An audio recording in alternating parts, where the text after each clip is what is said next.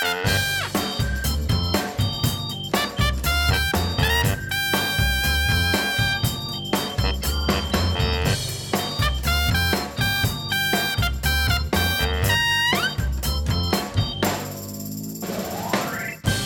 Bijbelbelt wordt overspoeld door een evangelische golf en duizenden mensen hebben een voltooid leven. Daar gaan we het over hebben in deze nieuwe podcast. De CIP-podcast. Zo, dat zijn nog eens onderwerpen, Patrick. Zo is het. Zo midden in, eh, midden in je week. Vreselijk. De week is nog maar net door midden en we gaan het over een voltooid leven hebben. Ja, ja de dood van willen. En jij zit hier met een Lipton Ice Tea in je hand eh, als levensgenieter. Ja. Ga je ook dood van trouwens, van al die suikers. Als je dat te veel doet. Ja. Ja. Ik, ik las trouwens zelfs dat, eh, dat je geen zonnebank meer mag aanschaffen. Nee. Dat ze dat afraden. Ja. Ja, de Dus, betutteling van de ChristenUnie, hè? Oh, Je gaat gelijk de ChristenUnie de schuld geven. Ja, ja Paul Blokhuis, hè? En de ChristenUnie komt ook aan bod natuurlijk bij de voltooid leven kwestie. Want eh, dat is natuurlijk een van de hete hangijzers binnen de coalitie. Ja. Eh, laten we daar maar gelijk mee beginnen, Patrick. Eh, want voordat er überhaupt een kabinet was, hè, met onder andere de ChristenUnie en D66, was het Het mogelijk, hè? Überhaupt die Ja, combinatie dat ze in één partij zitten. Ja, dat kon je op je, je voeten aanvoelen of aan je water aanvoelen komen. Ja. Dat, dat ze over deze kwesties natuurlijk ruzie gingen krijgen. Ja, en ik heb ze toen nog in de voorbesprekingen echt heel veel, eh eh ja, is toch een soort van zien bakkeleien in de media van eh, D66 en ChristenUnie, dat zijn water en vuur, dat gaat nooit lukken. Segers en Pechtold zag je dan ook bij de NMS, zag, zag je ze beide in de, in de camera kijken met een blik van, wat doe ik naast deze man, zeg maar. En eh, het is ook eigenlijk een wonder dat ze bij elkaar zijn gekomen, want Pechtold sprak hele duidelijke taal eh, in die tijd nog. En eh, ook Segers, hij zei dit is voor mij echt een onbegaanbare weg, hij had het zelfs over een breekpunt. En wat hebben ze dan besloten om toch eh, in één kabinet te stappen? We gaan het er gewoon niet over hebben. We gaan er geen beslissingen over nemen over eh, de voltooid leven kwestie. Maar we gaan wel een onderzoek laten instellen door een commissie. Ja. Eh, dat is dan natuurlijk eh, het compromis dat er dan uitrolt. En dat onderzoek, dat eh, is er uiteindelijk gekomen, maar er ging nog wat aan vooraf. Want vorig jaar september werd de ChristenUnie compleet verrast door Pia Dijkstra, de, de D66-vrouw die zich met deze zaken bezighoudt, en met medisch-ethische kwesties. Ja. En zij kwam opeens met een initiatiefvoorstel eh, om stervenshulp mogelijk te maken bij mensen die hun leven voltooid achten. Die niet ziek zijn, hè? Die niet? Nou, dat is een goede gaat- toevoeging. Ja, dat is belangrijk Inderdaad. om te zeggen, hè? Ja. Het gaat dus niet om mensen die Ja. eh, ondraaglijk lijden, dat is een hele andere Ja. discussie. Inderdaad. Daarbij is het, daar is het dan mogelijk bij, hè. Ehm, maar daar gaat het dus niet om. Het gaat dus om mensen die gewoon gezond zijn, maar die zeggen van, joh, eh, ik ben een jaar of 80 of ik ben een jaar of 75 of 60. Eh, ik, heb het, ik heb mijn kinderen goed opgevoed, die zijn allemaal zelfstandig. Ik heb Mhm. kleinkinderen, die, ik heb, daar heb ik van genoten. Mijn man is overleden. Ja. Ehm, ik, mijn werk is klaar hier. Ik heb eigenlijk niks meer te doen op de wereld. Het is wel goed geweest zo. Mhm. Het is afgelopen. Ik wil ermee stoppen. Maar die zijn wel gewoon helemaal gezond verder. Ja. Ja. Niet in het hoofd dus, anders Mhm. denk je zo niet. Eigenlijk een beetje, wij hebben natuurlijk vaak naar het programma van Gerard Joling en Gordon gekeken van over de vloer. Dat ze dan bij ouderen op bezoek gingen om hen eh, ja, een beter leven te gunnen door wat activiteiten te bezoeken en Ja. zo. En door wat klusjes te doen in huis. Ja. En die ouderen zeggen dus allemaal, ik- mijn familie komt niet meer langs, ik heb, het leven heeft geen zin meer. Over die doelgroep hebben we het eigenlijk. Nou, de, ik denk het wel, ja. Maar D66 wil het graag zo framen dat het niet over die doelgroep gaat. Maar over een doelgroep waarbij het eigenlijk allemaal juist heel goed gaat. Hè? Hoogopgeleide mensen die, die niet depressief zijn of alleen zijn of eenzaam zijn. Maar die gewoon zeggen het is mooi zo. Ja. Ik vind het prima. Daar bleek uit, en uit het rapport bleek dat die groep helemaal niet bestaat, hè, trouwens. Dan spreek je dus in een coalitie af van we gaan het er niet eh, over hebben en we gaan eh, nog onderzoek doen en dan pas daarna gaan wij eh, Ja. hier plannen over maken. Maar dan gaat ze dus met een plan komen eh, om ook een beetje denk ik de boel eh, eh, in beweging te zetten. Want er zit natuurlijk helemaal een tactiek achter van hè, juist door, door nu met een plan in de media te komen wordt, het, wordt de minister ook aangespoord om echt eens een keer werk te maken van dat onderzoek en er wat meer vaart achter te zetten. Ja. Segers was trouwens verbolgen. Hij was licht geïrriteerd en verbaasd, zei hij. Toen eh ja. Dijkstra naar mij kwam. Maar hoe dat in, de onderzoek ligt er dus nu, hè, sinds vorige week. Ja. Van de commissie onder leiding van Els van Wijngaarden. En een aantal uitkomsten uit dat rapport was te horen bij 1 op 1. Een radioprogramma van eh Sven Kokkelman. Goedemorgen. Ja, ik heb de resultaten gezien. Inderdaad, nou, een van de belangrijkste vragen die de commissie diende te beantwoorden... is natuurlijk de vraag die meneer Snabel overgelaten heeft in zijn eigen uh, onderzoek. Hoe groot is de groep uh, waar we het over hebben? Hoe groot is het aantal mensen dat de wens heeft tot levensbeëindiging? De commissie van Wijngaarden die het heeft onderzocht... komt tot de conclusie dat op elke 1055-plussers... er twee mensen zijn die de wens hebben tot levensbeëindiging. Nou, in absolute getallen zou het dan gaan over een groep van iets meer dan 10.000 mensen. En de conclusie die zij verder nog trekken... is dat bij een derde van deze groep... Uh, de mensen graag uh, hulp bij zelfdoding, zelfdoding zouden krijgen. En twee derde van deze groep heeft de voorkeur om het leven zelf te beëindigen... en heeft daar geen hulp bij of vraagt daar geen hulp bij. Dat is een van de belangrijkste conclusies van het rapport. Nou, dat zijn dan duidelijke conclusies hè, van, uh, van deze duider bij Radio 1. En uh, wat nou, trouwens niet in het fragment te horen was, uh, dat, er, dat 42% van de mensen die onder deze doelgroep vallen, hè, die hun leven voltooid achten, dat die het gevoel hebben anderen tot last te zijn. Nou, ik ben ook wel eens anderen tot last, misschien ook wel eens op het werk, Patrick. Elke dag. Maar dat lijkt me nou toch niet een reden om als kabinet te zeggen van laten we jou stervenshulp geven. Ja, ik bedoel, dit is, dit is, dat is nogal wat. 42 procent, hè? En we hebben ook nog andere factoren zoals piekeren, financiële zorgen. Nou, je moet wel 42 procent van heel weinig, hè? Ja, we hebben het over 10.000 mensen. Echt over heel weinig mensen. 10.000 mensen die willen uh, een einde aan hun leven en zijn niet ziek. Ja. ja. En dat zijn nog niet eens, zijn, die hebben niet allemaal nog een actieve doodwens, toch? Willen die alle 10.000 ook daadwerkelijk een pilletje of een, uh, een spuitje? Volgens mij was die groep nog kleiner. Tweederde uh, wilde een, echt een einde aan zijn leven maken, volgens mij. En een derde uh, wil daar hulp bij. Ja, oké. Okay. Volgens mij was zo de verdeling. Ja, oké. Okay. Um, de christelijke partijen die hebben hier natuurlijk op gereageerd, uiteraard. Ik zag gelijk allerlei persberichten al binnenkomen bij, ja. uh, bij CIP. Ja, die storm, hè? Um, nou ja, uh, ze hebben allebei gereageerd inderdaad. Verschillende politici van zowel de SGP als de CU. En laten we even voor ons tot die twee partijen beperken. Dat zijn toch de voor ons belangrijkste partijen. Um, de SGP uh, reageerde, ook, reageerde vrij snel met een officieel persbericht. Uh, en die waren eigenlijk best blij met de, met de conclusies van het rapport wat uitgebracht werd. Um, en de meest opvallende conclusie vonden ze dat het hebben van een doodswens heel veranderlijk kan zijn. En dat, is, dat gaan we, ga ik zo nog even op door, want dat is wel heel belangrijk. Hè? Dus dat je eigenlijk, uh, dat iemand zegt ik wil dood, maar dan uh, twee maanden later zegt, ah, nou nu wil ik het eigenlijk niet. Maar als je dit invoert en je kan het en je hebt een uitknop, op die uitknop kom ik zo meteen ook nog terug, dan kan je hem niet meer weer aanzetten. Hè? Juist. Dus dat was voor de SGP heel belangrijk. De belangrijkste uitkomst eigenlijk, dat de doodswens heel veranderlijk kan zijn. En Kees van der Staaij reageerde en ik quote... Met dit onderzoek in de hand is het roekeloos om een voltooid leven wet te maken. Dat zou onbegrijpelijk en onverantwoord zijn. De overheid heeft juist de plicht om zelfdoding te voorkomen en kwetsbare mensen te beschermen. Zij moet aan de kant van het leven staan. Nou, de ChristenUnie dacht eigenlijk op dezelfde manier een beetje over. Die legde vooral de nadruk, uh, dat ga jij zo nog laten horen met een fragmentje, maar ze legde vooral de nadruk op de alternatieven en het voorkomen van de doodswens bij mensen.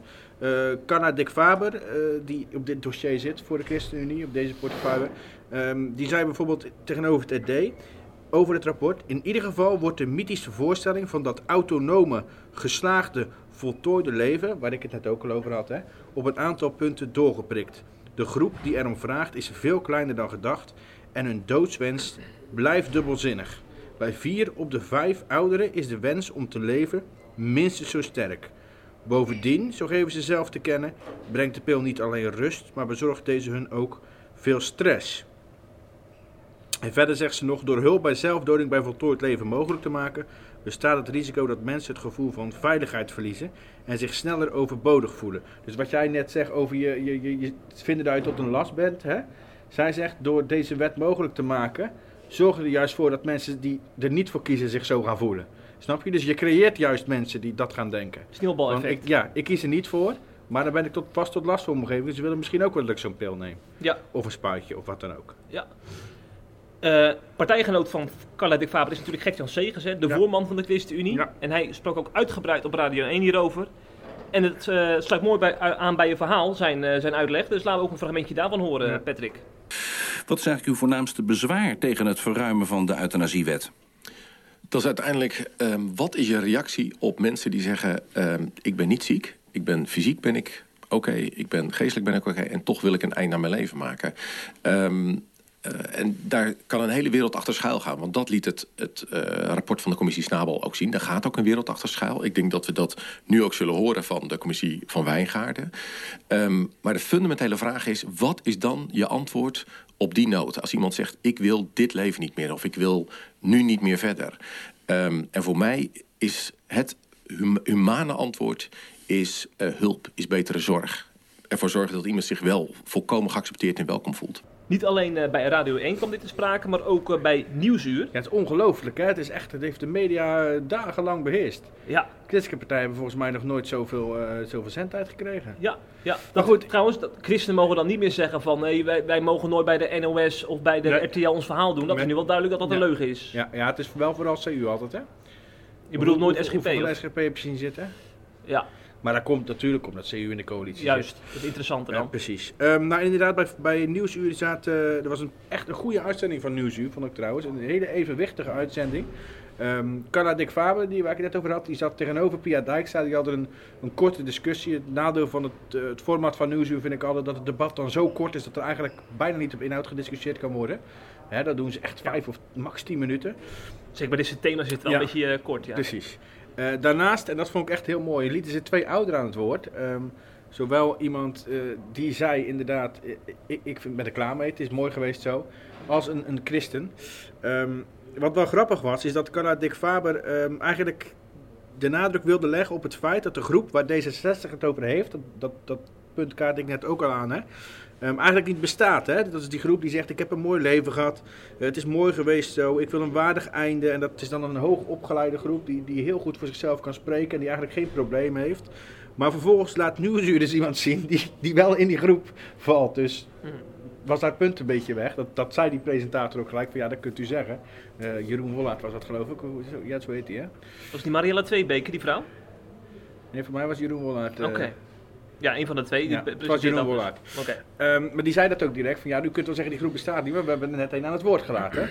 um, dat vond ik wel mooi, of mooi, grappig om te zien. Overigens vind ik het, uh, die man, die andere man die aan het woord komt, die oude man, dat was echt een mooi getuigenis wat hij gaf. Die, die zei gewoon uh, dat hij tegen de wet was, omdat hij vindt dat het leven, uh, dat zijn leven ook in Gods hand ligt.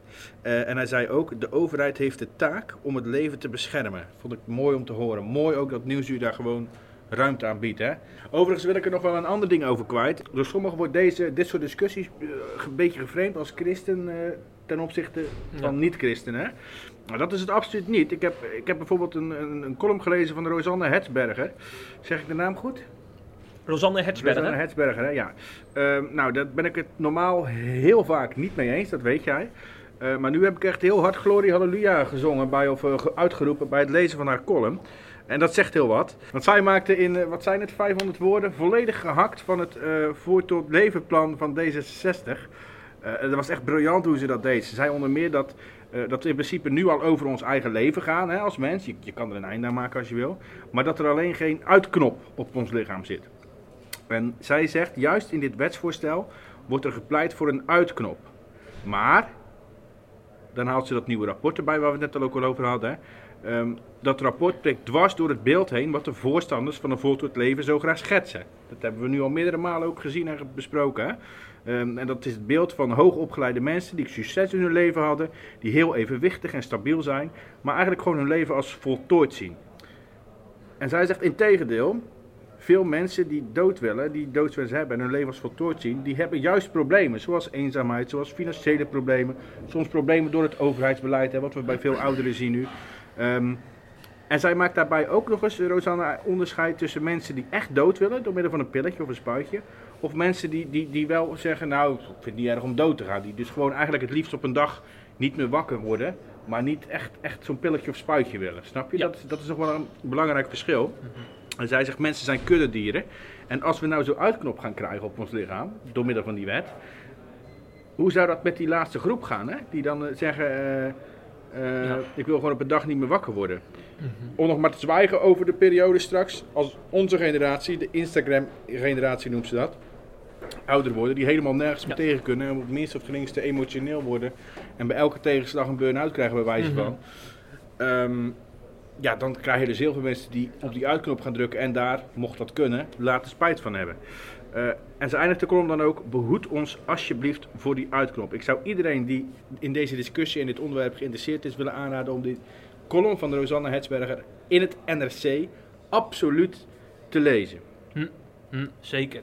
En als je dan toch aan het lezen bent, lees dan ook al die CIP Plus interviews met eh, mensen die terugkijken op een periode van lijden, hè, waar ze doorheen zijn gegaan en daar ontzettend veel lessen uit hebben getrokken en ook een voorbeeld zijn voor anderen daardoor. Ja, Want dat vind ik ook een aspect dat niet vergeten mag worden. Lijden is niet per se zinloos. Ja, en lijden is ook niet, wat ook, het is niet eh, eh, oneindig, hè? Ja. Ehm, dat, hè, dat was het punt van de SGP ook. Dat vind ik echt wel belangrijk ook. Je hebt gewoon bepaalde maanden in het jaar bijvoorbeeld, hè, in, in de winter. Dan zijn mensen wat depressiever, dan zijn mensen, hè, iedereen heeft dat. En als je dan gevoelig voor bent, is dat nog veel erger.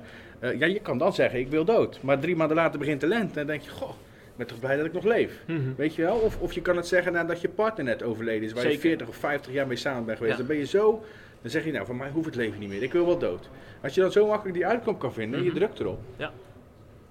Maar misschien zeg je heel vaak, zie je dat mensen daar toch, nou er overheen is misschien een groot woord, maar toch weer plezier in hun leven krijgen. Ook Ja. na het overlijden van hun partner. Ja. Dus vaak is die wens ook veranderlijk.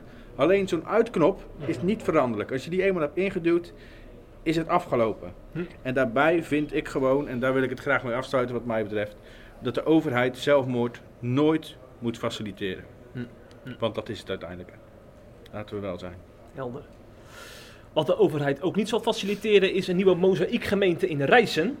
Want eh, kerk en staat zijn gescheiden, zoals je weet, in ons mooie landje. Ja, daar ook, denk je? Waar? In Rijssen?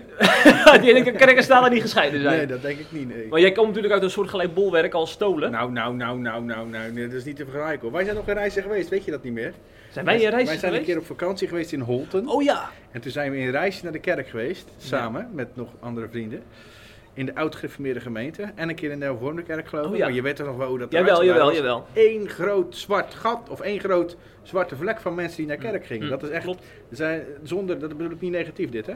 Eh, zonder, eh, ja, voor mij gaat daar 90 of 95 procent naar de kerk. Mm. Maar goed, wie weet voor die 5 procent mozaïek. De toon is gezet, dames en heren. We gaan het natuurlijk hebben over de evangelische golf die de Bijbelbelt eh, treft de laatste jaren. En dat gaat maar door. De mozaïekgolf vooral hè. De Mozaïekgolf, ja. dat is natuurlijk een, eh, een, een snelgroeiende kerk van 3 tot 4000 mensen in Veenendaal. Ja. En die hebben een zusterkerk in Nijkerk en daar blijft het niet bij, hè? Nee, nee dus ook, er is eh, een nieuwe nieuwsbrief uitgekomen deze week of vorige week. Nee, deze week volgens mij. En in die nieuwsbrief, nou ja, daar komt heel duidelijk naar voren dat ze heel erg bezig zijn om zichzelf, eh, om zich uit te breiden. Ehm, ik zal even wat feiten op een rijtje zetten Mhm. uit die nieuwsbrief. Dat doen ze zelf ook namelijk. Als eerste de locatie in Nijkerk waar je het net over hebt. Dat is de tweede. Hè. Het, is, het is begonnen in Veenendaal. Nijkerk is de tweede. Eh, die groeit ontzettend hard. Ze zijn begonnen in een klein gebouwtje. Die was op een gegeven moment te klein. Toen zijn ze naar een grote sporthal gegaan. Maar die was zo groot dat ze geen twee diensten meer hoefden te doen op zondagmorgen. Maar dat één genoeg was. Maar inmiddels zijn ze een paar maanden later alweer zo groot geworden. Dat ook daar nu op Zo. zondagmorgen twee diensten nodig zijn. Dus die groeit enorm hard. Eh, het tweede, er komt mogelijk een nieuwe eh, kerk, 036, Mozaïek 036. De focus daarbij ligt op Almere. Ehm, aankomende zondag wordt daarover een informatiebijeenkomst gehouden in Nijkerk. Opvallend overigens, eh, de voorganger van de Mozaïek in Nijkerk, Arjan ten Brinke, Arjen ten Brinke, die was eerst anderhalf jaar voorganger in een evangelische gemeente in Almere. Ja. Eh, daar is hij weggegaan na anderhalf jaar al. Een beetje, het was een beetje vaag toen. Hij zei daar toen zelf over, ik werd binnen deze kerk wijkpastor. Maar dat bleek niet de cultuur waar ik, waarbinnen ik kon werken. Oké. Vond ik destijds een beetje vaag. Goed, zijn we niet op doorgegaan. Hoeven we ook helemaal niet te weten. Gaat ons verder niet aan. Maar het is wel opvallend dat juist Mozaïek nu daar weer een kerk gaat beginnen. Terwijl je zou zeggen, de wegwijzer is daar. Maar goed. Hm. Ehm, ten derde, Mozaïek 055 in Apeldoorn. Daar hebben we het al eerder over gehad. Hè. Hebben we ook al eerder over gepubliceerd. Dat ze daar plannen voor hadden. Dat is nu een stuk concreter. Ze hebben een eh, eerste introductiecursus gehad. Dat doen ze altijd voordat ze een gemeente gaan starten. Daar hebben zich maar liefst 130 mensen aangemeld om betrokken te zijn bij de oprichting van die kerk. Eh, en de komende maanden gaan ze bespreken wat, ze precies gaan gebeuren, wat er precies gaat gebeuren om dat op te zetten. Die zijn echt wel concreet hoor, die plannen. Mhm. En wordt er ook al een tweede introductiekoers georganiseerd, omdat er nog meer mensen geïnteresseerd zijn. Zo. Ehm, Ten vierde, uh, nog een mogelijke nieuwe kerk. En dat is uh, Mozaïek 0548. En dat zou zich richten, waar we het net over hadden, Nijverdal, Holte en Rijssen. Opnieuw een enorm Revoland trouwens, hè, waar ze in gaan. En daar, daarover is in oktober al een informatiebijeenkomst geweest in die regio zelf, of in die plaatsen zelf, in een van die plaatsen. En ook daar waren weer meer dan 100 belangstellenden. En daar gaan ze ook nu binnenkort starten met die introductiecursus die ik net noemde. Uh, in april geloof ik uit mijn hoofd. Uh, en een mogelijke start van een nieuwe gemeente dus weer. En tot slot, ten vijfde dus, um, zeggen ze aan het eind van het bericht dat ze zich ook aan het bezinnen en het oriënteren zijn op andere regio's. Dus jij zegt, jij komt net uit zo'n bolwerk. Ik verwacht binnen nu en een half jaar plannen om in Zeeland een mozaïekkerk op te richten. En ik hoop dat ze het beter doen dan de doorbrekers in Zeeland. Nou, ze gaan sowieso wel daar in de buurt. Steenberg is toch bij Tolen in de buurt. Ja. Daar hebben ze ook al plannen voor, hè? Oké. Het Nederlands Dagblad heeft ontdekt dat er domeinnamen zijn aangemaakt voor mozaïekkerken in Rotterdam, Arnhem, Steenbergen en volgens mij vergeet ik er nog een paar. Dat heeft dus net een ND ontdekt. heel goed. Zonder dat er concrete plannen zijn, heel goed. hebben ze alvast die domeinnamen. Je hebt natuurlijk gewoon alle domeinnamen in Nederland met die, met die nummers erachter net hebben. Geweldig. Heerlijk, complimenten. Ja, hebben ze mooi heel gedaan. Goed. Hebben ze dat gepubliceerd ook dan? Ik heb ja, het nou, niet gelezen. Het stond niet ergens prominent, maar ergens midden in zo'n uh, bericht, zeg maar. In de... die prominent Ja, dat hadden ze prominent moeten brengen eigenlijk, ja. hè? Uh, de vraag is natuurlijk die dan bij ons opkomt: waarom kerken starten in de, Bijbel, in de Bijbelbelt, waar al zoveel kerken zijn? En die vraag hebben we al tig keer besproken. Ja. Maar het mooie was, Groot Nieuwsradio uh, stelde die vraag aan Kees Krijnoord tijdens een interview. Wat vooral ging trouwens over uh, een conferentie waar hij mee bezig was. Maar mooi dat het ook even aan bod kwam. Laten we naar het antwoord van Kees Krijnoord luisteren. Ja, want veel gehoorde kritiek is dat het weer een gebied is waar al veel kerken zijn. Ja, ja, dat, dat, dat is ook zo. En uh, ik, ik, vraag me dat trouwens af. Natuurlijk uh, zijn er kerken. Dat is, dat is natuurlijk heel logisch. Uh, alleen als, ik, als ik de cijfers hoor van de, de, de, hoeveel mensen van Apeldoorn naar een gemeente gaan. Uh, dan is dat schrikbarend. Dan denk ik, joh, er is zoveel. Uh, er is geen gebied in Nederland wat geen zendingsgebied is. Um, en het blijft eigenlijk. Ik, het heeft namelijk niet alleen maar te maken. Dat is natuurlijk een veelgehoord ding. Dat, en, en weet je, en als God ons een deur opent en het ontwikkelt uh, naar. inderdaad, want mensen ja, ze gaan niet naar Limburg. Nou, dat valt nog te bezien. Ik, ik, ik, ik, ik, ja, zijn er plannen voor het zuiden of het nee, noorden? Nou, weet je, misschien wel België. Weet je, want, want voor ons gevoel, weet je, we zijn er echt daar heel open in. En uh, oprecht, echt heel open in. En, en we willen niet, misschien niet drie of vier, maar joh, als God het leidt. En hij leidt ons daarin uh, wel 13 of 14 of 40. Weet je, wie, wie, weet, ik weet het niet. We zijn er echt, echt heel open en oprecht open in. En wat vind je dan van begrippen die dan ook nu worden genoemd? Stofzuigerkerken, jullie halen christenen uit andere ja, kerken dat, weg. Dat, ik zal eerlijk zijn, dat doet ook pijn. En het is natuurlijk absoluut waar, we zijn niet gek, ik ben niet dom. Ik weet ook wel dat er mensen in onze kerk komen die eerst in een andere kerk zaten. Ik ben, uh, uh, tuurlijk, we zijn niet naïef. Um, maar deze uitspraken komen ook van mensen met wie, we, met wie ik in ieder geval nog nooit één goed gesprek heb gevoerd. Die nog nooit de telefoon hebben gepakt. Het zijn wel mensen die, die uh, het denken van andere vormen. Het zijn voorbeelden, het zijn theologen of het zijn mensen die gevolgd worden op Twitter door veel mensen. En dan zou ik zo graag willen dat ze even komen kijken.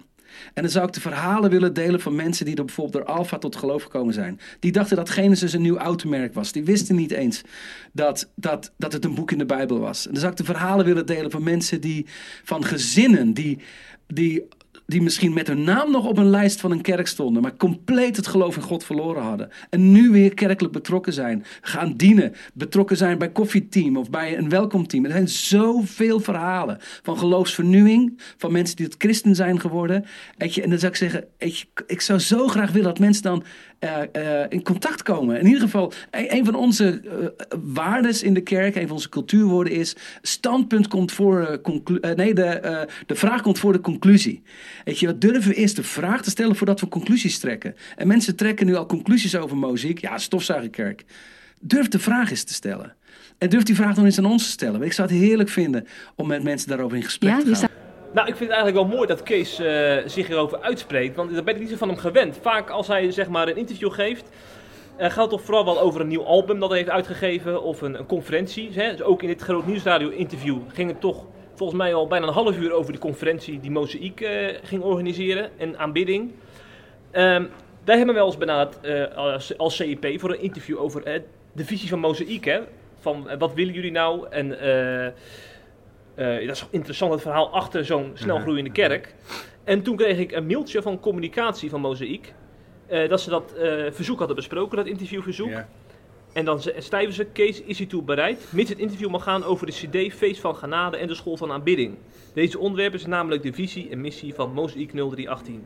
Maar eigenlijk zegt zij hiermee, in mijn ogen, ehm, Zie ik nou goed dat de visie en de missie is om cd's te verkopen? Ja, dat zo kun je ook nog opvatten, die zin, ja. Zo kun je dat ook nog opvatten, ja. Ja, Ja, nou, daar zou, ik niet versteld van. Ga verder. Maar eigenlijk gaan ze, wat mij betreft gaan ze hiermee dus op de stoel zitten van, eh, van de journalist. Die er graag een vraag wil stellen die leven in het land. Hè? Want we stellen die vragen niet zomaar. We hebben een enorme achterban als CIP en die zijn enorm kritisch op wat er gaande is in de Bijbelbelt door alle snelgroeiende evangelische kerken. Die, Of heel positief, dat kan ook. dat kan ook, hè? En dan kun je er ook vragen bij Ja, hebben. absoluut. En het lijkt me dan nuttig om die, te, om die te stellen. Maar daar wordt toch een beetje moeilijk over gedaan. Dus dat interview is uiteindelijk ook niet doorgegaan. Maar waarom, mocht hij, waarom deed hij dan bij Groot Nieuws wel?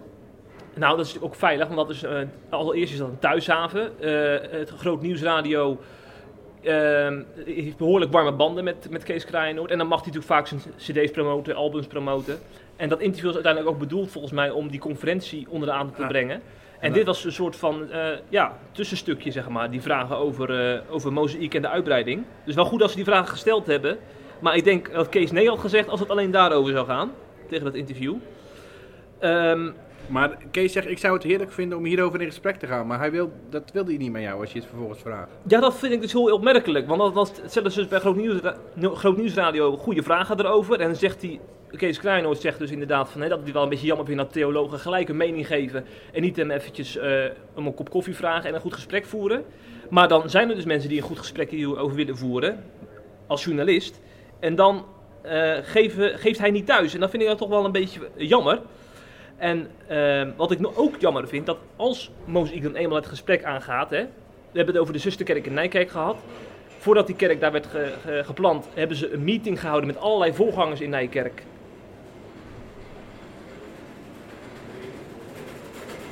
Nauwelijks. Gebeurt nooit. Nee, nee zelden. Komt zelden voor. Voordat ze die meeting hebben gehad, moet je hem hem oppakken. Voordat ze die meeting hebben gehouden, ehm, hè, wat zei ik dan? In Nijkerk. Nee, zei ik dat? Ja, zo, zoiets zei je. ja. Even kijken hoor. Voordat ze die gemeente opstarten hebben Oh ja, ja, ja, ja, zo. Andersom. Voordat ze die gemeente zijn opgericht. man, man, man. Dit wordt echt een lange podcast dit. Voordat ze die gemeente oprichten, hebben ze een meeting gehouden in Nijkerk met allerlei voorgangers uit de regio. En eh, dan zou je dus verwachten dat ze dan echt een goed inhoudelijk gesprek voeren hè, over eh, de missie van Mozaïek en hoe die andere kerken er tegenaan kijken als zij er zouden komen. En ik sprak onlangs met dominee Gertjan van Harten. Hij heeft een uh, gereformeerd vrijgemaakte kerk, of tenminste, daar is hij dominee van, die is natuurlijk niet van hemzelf. En die was ook bij die meeting aanwezig. En hij zegt, ja, ik had ook zo'n soort gesprek verwacht, maar eigenlijk werd er gewoon een mededeling gedaan. Van wij komen in Nijkerk. Er was niet echt inhoudelijk ruimte om hun visie uh, te geven daarop. Want er zijn natuurlijk kritische vragen over te stellen. Hè? Als je dominee bent in zo'n, zo'n gemeenschap en er komt een enorm grote megakerk daar, dan zou je bijvoorbeeld ook vragen kunnen stellen van kunnen we niet beter samenwerken voordat jullie daar een gemeente starten. Maar die ruimte was er dus überhaupt niet. En hij vond dat eigenlijk wel jammer. Ondanks dat de sfeer trouwens tijdens die meeting prima was hoor, zei die dominee. Want uh, hij wilde er verder... Maar niet... samenwerken willen ze ook niet, want ze hebben een eigen concept. Ja, dat is natuurlijk ook wel het punt hè. Dan is samenwerken ook is is dan niet effectief in hun nee, ogen. Nee, precies. Ja, ja. maar ja, ik... wat, wat die dominee ook zei, dat vond ik toch wel een, een hele belangrijke zin is dat de pijn van christenen die dus uh, negatief zijn over mozaïek, dat die met name zit in het feit dat ze zich niet gehoord voelen en dat er dus meteen een deur dicht gaat als zij uh, de hand reiken. Dus het is heel erg eenrichtingsverkeer. Dat, is, dat doet nog meer pijn dan überhaupt dat Precies. ze er zijn. Ja, dat begrijp ik. Um, ik heb er ook nog wel twee dingen over te zeggen hoor. Eén wat kritisch punt en één ook positief punt. Dat moeten we vooral niet vergeten. Mm -hmm. uh, wat kritisch punt staat eigenlijk helemaal aan bij wat jij zegt. Hè? Um, ik vind het heel apart dat, je, dat, je, dat, je, dat Kees eerst zegt, ik zou graag het gesprek aangaan. En dat hij dan vervolgens, dat jij eigenlijk op een muur stuit waarbij het niet mogelijk is om een gesprek aan te gaan. Tenzij ze een album promoten, want dat is het gewoon. Hè? Dus het lijkt meer een uitspraak voor de bühne te zijn. Uh, we hebben niet meerdere keren verzoeken gedaan voor mensen met... Uh, Arjen ten Brink ook nog een keer, dacht ik? Ja, ja die heeft uh, pas ook nog afgezegd inderdaad. Afgezegd, zei je? Ja, dus je had hem al, had al afgesproken? We hadden al een, meet, een afspraak staan inderdaad, Arjen te Brinken, om een podcast op te nemen over Mozaïek zelfs. En ik had ook de gesprekspunten had ik er al bij gezet, dus ook zeg maar de, de uitbreiding, hè, dat het een heel interessant actueel onderwerp is. Ja, Toen heeft hij afgezegd omdat zijn kinderen ziek waren. Maar kan die, die, dat kan gebeuren. Die vervolgafspraak vervolgens die we wilden plannen, die is niet doorgegaan. Omdat het voorgangersteam heeft besloten van we hebben al genoeg media-aandacht gekregen en we willen geen interview Het lijkt er dus op dat ze gewoon niet met ons willen praten. Ja, daar komt het eigenlijk wel op neer. Ja. Nou, dan moet je niet zeggen we willen het gesprek aangaan. En dan moet je ook niet zeuren als we op basis van andere bronnen dingen schrijven, toch? Lijkt me. Ja, logisch. Ja, en dan is die uitspraak dus eigenlijk puur voor de bühne gedaan. Ehm, maar goed, eh, dat gezegd hebbend wil ik ook nog wel iets inhoudelijks opmerken ehm, over Mozaïek. Want eh, eigenlijk zouden we een keer goed onderzoek moeten doen naar welke mensen hier nu precies lid zijn hè, en Ja. wat hun beweegredenen zijn. Want we roepen alle twee heel hard, ehm, die komen uit andere kerken. Ja, dat geloof ik best. Ik denk dat het ook wel zo is. Eh, maar ik vind dat je verder moet kijken. Waarom gaan die mensen dan naar Mozaïek? Eh, en op welke wijze zaten ze in hun vorige kerk? Hè? Waren dat echt trouwe kerkgangers? Of waren ze al randkerkelijk, die, die al afgehaakt waren? Op het punt stonden om af te haken? Ehm, of in die richting bewogen? Maar als dat zo is, dan kan je eigenlijk alleen maar zeggen dat Mozaïek eh, heel goed is. Hè? Dat, ze, dat ze zulke mensen opvangen en ze alsnog naar Jezus, naar God brengen. Hè? Omdat ze anders misschien wel helemaal, of misschien anders helemaal afhaken. Eh, En ik denk wel eigenlijk persoonlijk, maar dat is een gevoel, dat het vooral die groep is, zeg maar. Hè? Die al bij hun eigen persoonlijke traditionele kerk aan het afhaken is. Ehm, en dat laatste vind ik dat je een beetje te weinig in de media hoort, ook bij ons. Terwijl het best aannemelijk zou kunnen zijn. Dus ik, het lijkt mij wel interessant om dat eens een keer goed te onderzoeken. Maar ja, dat wordt al lastig als ze niet willen meewerken natuurlijk. Ehm, maar goed, als dat het geval is, dan juich ik kerk als mozaïek in die regio ze alleen maar toe. Eh, bovendien eh, vind ik het concept van, van hen ook heel goed hoor. Ze hebben, ze hebben geweldige eh, gemeenschap. Hè? Dat zie je in heel veel andere kerken niet. En, ze zijn een keer bij de EO in zo'n programma geweest. Oh, zag, ja. je, zag je dat ze heel veel verschillende clubs en verenigingen hadden. Zelfs hun eigen motorclub. Voor mensen die, die graag samen gaan toeren, weet je wel. Ja, dat vind ik fantastisch om te zien. En ik denk dat heel veel kerken daarvan kunnen leren. Ehm, nou ja, ik stel voor dat wij het gaan, toch gaan proberen om eens een keer te gaan onderzoeken. Hoe dat nou, wat de beweegredenen van die mensen in mozaïek zijn. Ja. Misschien willen de mensen zelf wel praten. En als dat eenmaal loopt, dan wil Kees misschien ook wel met ons praten. hè? Ja. En joh, dan prom- promoten we dat cd'tje toch ook even. ja, joh. Maakt het uit. Advertentie eronder, niks mis mee. Hoe heet, het, hoe heet de cd? Hoe heet de CD? Ja. Feest vol van vreugde. Feest, Feest, vol- feest van genade. feest van genade. Dus koop allemaal Feest van genade. en dan verwacht ik dat Kees Kuijnhoort volgende week een interview aan ons geeft. Juist, daar gaan we vanuit. Maar ik denk dat hij alles afgehaakt intussen. Wie niet is afgehaakt, dat is dominee Jan Meijer uit, eh, van de Gereformeerde Kerk vrijgemaakt. Die heb ik namelijk gesproken. ja. Hè, eh, hij is trouwens directe collega van Gertjan van Harten, waar we net ook al even over Mhm. hadden. Twee vrijgemaakte dominees die tientallen kerkgangers afgelopen jaar zagen vertrekken naar Mozaïek. En wat ik nou het leuke vond aan dat interview met hem, totaal niet schoppen. Juist heel erg ook die spiegel voorhouden van wat kunnen wij nou van Mozaïek leren, wat je ook net vertelde. Heel veel respect voor. Ja, en eh, een van de punten die zij bijvoorbeeld kunnen leren, zeggen ze dat, zij, dat Mozaïek heel erg goed is in het eh alledaags spreken. Dus eh, niet alleen zeg maar preken vanuit de studeerkamer, hè, van wat je nou hebt geleerd en vanuit het naslagwerk zeg maar doorgeven aan de gemeente, maar ook die verbinding leggen met het dagelijks leven. Nou, het leven op school, op je werk. Eh, en, en ja, ik denk dat eh, heel veel mensen die in de kerk zitten daar echt behoefte aan hebben. Dat doet Mozaïek dus blijkbaar heel goed. En om zo, ook zo dicht bij je publiek te komen, dat het geen afstandelijk verhaal wordt. Precies. Maar ik zou juist zeggen, ook, ook na zo'n interview, een gouden kans voor Mozaïek om die hand te reiken en toch te gaan samenwerken. Ondanks dat zij dat natuurlijk niet hun strategie is. Ja, ja. Maar ik denk bijvoorbeeld, als je naar Apeldoorn gaat en je hebt er nog helemaal geen kerk. Er zijn tig evangelische kerken of, andere, of traditionele kerken die ook diensten willen beleggen. Die meer laagdrempelig zijn, waardoor ze ook ander publiek trekken. Ga dan een, op woensdagavond of zaterdagavond. Dan kan Mozaïek allemaal mensen invliegen om, om die kerken te helpen eh laagdrempeliger te zijn en een andere kerkcultuur te creëren. Want ik denk dat het ook heel erg goed in de achterkamertjes kan. Hè? Dat hoeft helemaal niet per se eh, eh, op de voorgrond door een nieuwe kerk uit de grond te stampen. Helemaal met je eens. Wij roepen alle mensen die naar Mozaïek gaan op om eens een mailtje te sturen. Want we staan open voor jullie verhaal. We willen ook graag jullie interviewen om eens jullie kant van het verhaal te laten horen. Stuur een mailtje naar info.cip.nl Ja. en we sturen een redacteur naar je toe. Ja, precies. Zullen we nou, dat ja, eens doen? Of die laten we even bellen. Of bellen. Ja. We kijken wel wat handig is. Zullen we zelfs beloven dat we het zelf doen? Dat een van ons het doet? Ja, nou, lijkt me goed. Lijkt me goed om te beloven. Ja, want wij hebben nu zoveel over Mozaïek gezegd, dus wij hebben ook wel wat vraagjes, zeg maar. Precies, precies. Lijkt me een heel goed idee. Dan ga ik nu weer een artikel schrijven over de oud-gereformeerde gemeente in Nederland. Ja, want die zijn er ook, hè? Die zijn er ook. Want het gaat niet alleen om Mozaïek. En die vergeten we niet, hè? Zeker niet. Nee, nee. Dus hou je van veelzijdigheid, hou je van veelkleurigheid. wordt CIP Plus lid. Ja, absoluut. en daar willen, willen we graag mee afsluiten, Jeffrey. Zeker. En eh, die cd van Kees Krijnoord over Feest van, Feest van Genade, haal die in huis. Zullen we anders afsluiten met dat nummer? Hé, hey, is dat niet leuk? Dat is lijkt nou me een goed, fantastisch. spontaan idee Dat van Patrick. Een geweldig idee. Ja. Nou, ik zou zeggen, DJ, gooi hem erin. Tot volgende week.